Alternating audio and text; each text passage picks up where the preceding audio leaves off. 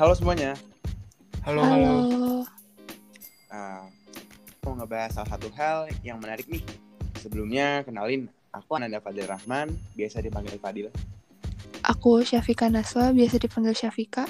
Aku Gary Erikson, panggil aja Gary. Aku Teresia Natasha, panggil aja Natasha. Nah, sebelum kita masuk ke topiknya, aku mau tahu dong asal kota kalian sama SMA kalian dulu. Uh, kalau dari aku, aku dari Jakarta, aku di SMA 21 dulu. Oh, jauh juga ya di Jakarta. Kalau aku dari SMA Santa Maria 1 Bandung. Uh, aku tinggal di Bandung, terus aku juga dulu SMA di SMA 5 Bandung. Nah, kalau aku dari Bandung, aku dari Smak Trimulya. Oh, berarti rata-rata Bandung semua ya? Oke, sekarang kita mau bahas tentang hal yang kalian semua pasti udah nggak asing lagi nih. Wah, tentang apa tuh? Yang mau kita bahas sekarang itu tentang kepemimpinan, Nat. Pada tahu nggak sih kepemimpinan itu apa? Tahu dong, kepemimpinan itu hal yang dimiliki seseorang nih buat mengendalikan, memotivasi orang-orang yang berada di sekitarnya untuk bertindak sesuai dengan tujuan yang akan dicapai. Berarti bisa disimpulin kalau kepemimpinan sekarang sama kepemimpinan masa lalu itu sama atau beda? Aku sih beda, karena kepemimpinan masa lalu itu aturan yang diberikan begitu antara atasan dengan bawahan kurang berjalan dengan baik. Soalnya dulu tuh atasan lebih dihormati gitu, terus disegani. Jadi untuk menyampaikan pendapat aja cukup sulit. Jangankan untuk menyampaikan pendapat, menatap matanya aja nggak berani. Jadi berbeda banget sama sekarang. Wah, serem juga ya kepemimpinan masa lalu ini. Nah, kalau misalnya kepemimpinan sekarang nih udah mulai ngikutin perkembangan zaman, terus adanya perubahan juga. Nah, selain itu, kebanyakan orang-orang muda, jadi antara atasan sama bawahan nih, komunikasinya jauh lebih baik. Ada juga yang nerapin uh, kerjanya tuh santai, tapi masih tetap dengan merhatiin aturan yang ada ya, jangan sampai kelewatan juga. Nah, berarti kepemimpinan masa lalu dengan masa sekarang ini pasti ada sisi positif dan negatifnya dong. Nah, sisi positif sama negatifnya apa aja sih? Ada dong pastinya. Kalau dari sisi positifnya tuh, kepemimpinan masa lalu uh, di dalam sebuah organisasi atau kelompok ini dapat berjalan dengan tepat waktu sesuai dengan hal yang mau dicapai. Selain itu, bawahan kerja dengan sungguh-sungguh soalnya takut kan sama atasannya. Nah kalau sisi negatifnya ini uh, atasan tuh sulit nerima pendapat atau usulan dari bawahan. Lebih seringnya nyalahin bawahannya sekalipun itu kesalahan dari atasannya gitu. Nah tadi kan uh, Natasha udah jelasin uh, sisi positif positif dan sisi negatif dari kepemimpinan masa lalu aku ini mau jelasin sisi positif dan negatif dari kepemimpinan masa sekarang atau masa kini. Sisi positifnya itu di antara atasan sama bawahan itu sekarang udah ada kesetaraan. Jadi uh, antara atasan sama bawahan itu bisa kerjasama dan saling tukar pendapat. Selain itu, kepemimpinan masa kini punya pemikiran yang luas dan terbuka, uh, kreatif dan juga berani buat ambil resiko kalau sisi negatifnya itu karena atasannya kurang tegas jadi bawahannya itu ngerasa kayak ke temen jadi malas-malasan buat kerja terus ngehambat uh, buat mencapai tujuan yang ingin dicapai. Oh berarti kalau dari aku sih aku tetap milih yang zaman sekarang ya. Karena walaupun negatifnya bisa jadi telat deadline-nya atau jadi malas-malasan tapi kan kita bisa jadi lebih bebas gitu ke atasan. Nah kalau gitu dari kalian nih ada nggak yang punya pengalaman jadi pemimpin atau jadi anggota? Uh, gimana menurut kalian peran atasan anggota dan sebaliknya? Nah, uh, kalau aku waktu SMA, aku ikut uh, organisasi itu namanya perwakilan kelas. Jadi organisasi ini tuh job desknya buat job desk utamanya itu buat ngawasin kinerja OSIS dan ekskul yang ada di uh, SMA aku dulu terus tiap tiga bulan sekali itu tuh uh, selalu ngadain laporan pertanggungjawaban buat uh, osis sama ekskul ekskul uh, bareng sekolah. Terus uh, buat pemimpinnya itu ada dua. Uh, sebutannya itu ada koordinator umum dan ada wakil koordinator umum. Nah si koordinator umum ini punya job desk buat ngurusin dan hal-hal uh, sama keperluan eksternal gitu. Kalau misalkan wakilnya itu ngurusin hal-hal organisasi dan pokoknya yang bagian internal gitu. Jadi uh, organisasi ini tuh uh, sebisa mungkin nggak uh, akan ada miss karena uh, job desknya udah ditanganin uh, sama setiap uh, jabatannya masing-masing. Terus baru setelah itu turun ke koordinator divisi dan wakil koordinatornya baru turun lagi ke anggota. Wah, keren juga tuh ikut organisasi perwakilan kelas. Nah, kalau misalnya aku sih, pengalaman aku nih waktu SMP, aku pernah jadi anggota tim inti pramuka gitu.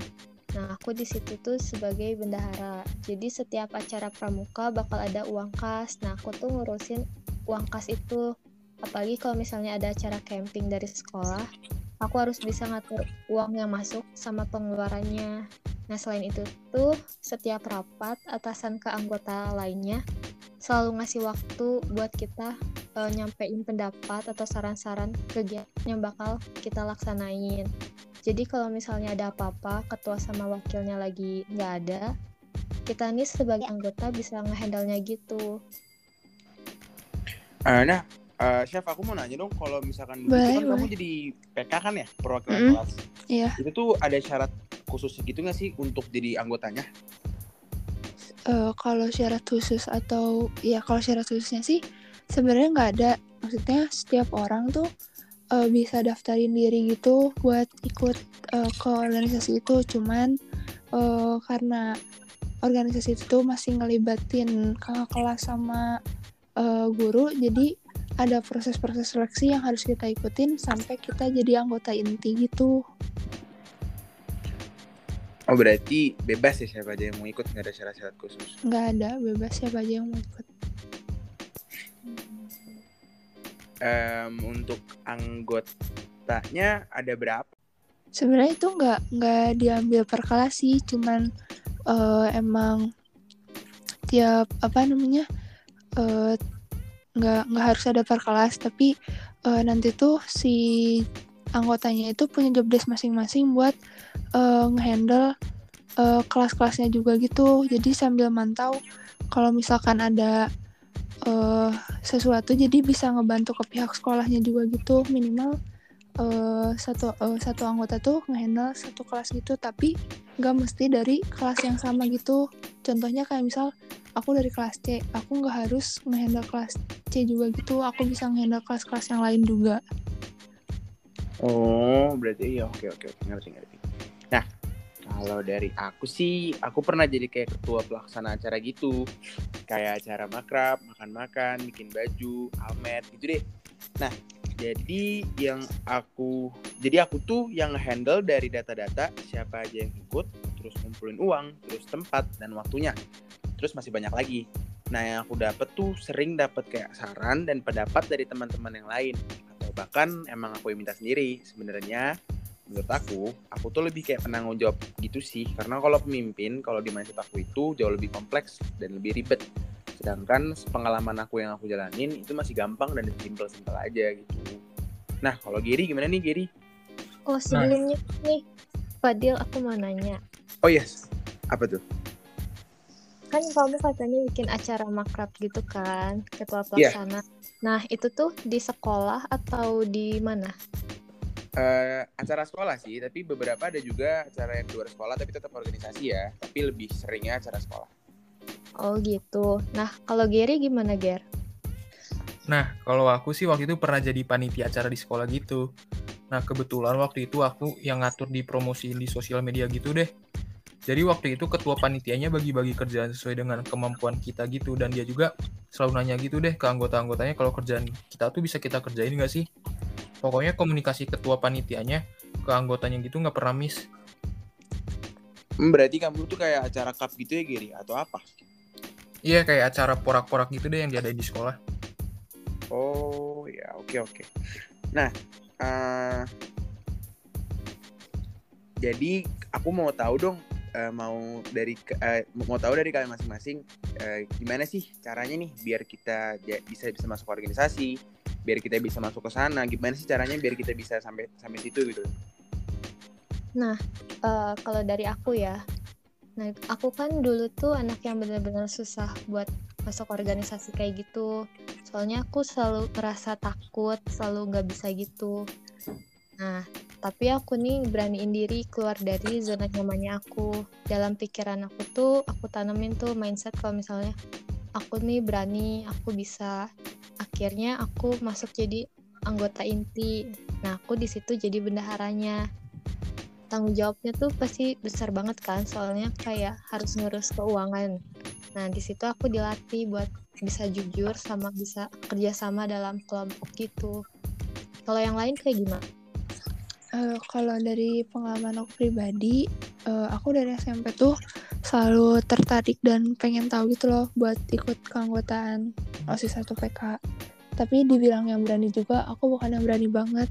Tapi aku selalu mau buat asah dan kayak penasaran gitu sama soft skill aku terus supaya bisa lancar public speaking juga nah dari situ aku juga belajar buat bisa percaya lebih percaya diri sama diriku sendiri terus lebih tanggung jawab dan bisa nanggung konsekuensi sama apa yang udah aku mulai Nah, kalau dari aku, aku tuh punya percaya diri yang tinggi. Jadi makanya pas tahu ada acara-acara gitu, aku yang ngajuin diri aku sendiri buat jadi ketua.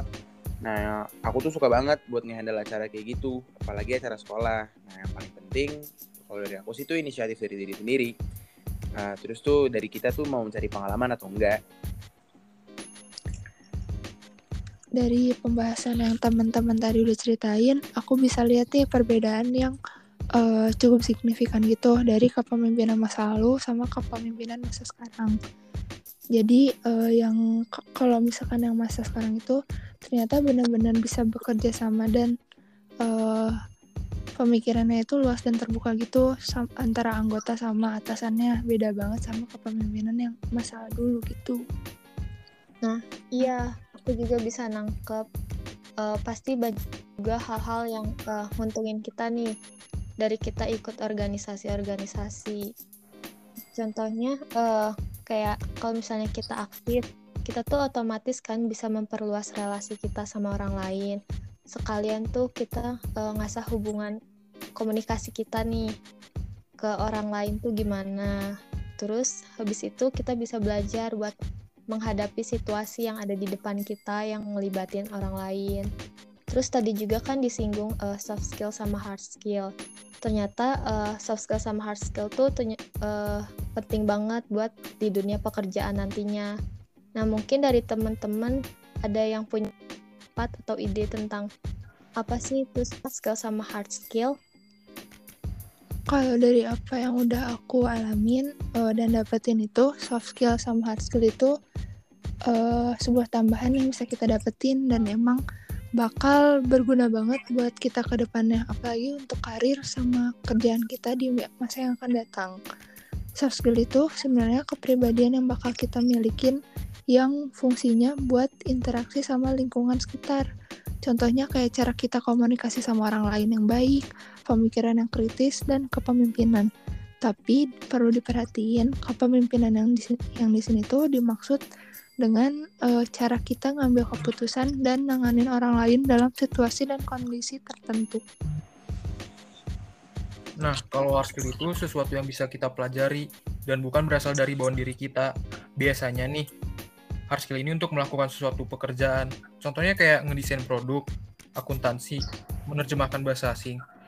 Terus masih banyak lagi deh.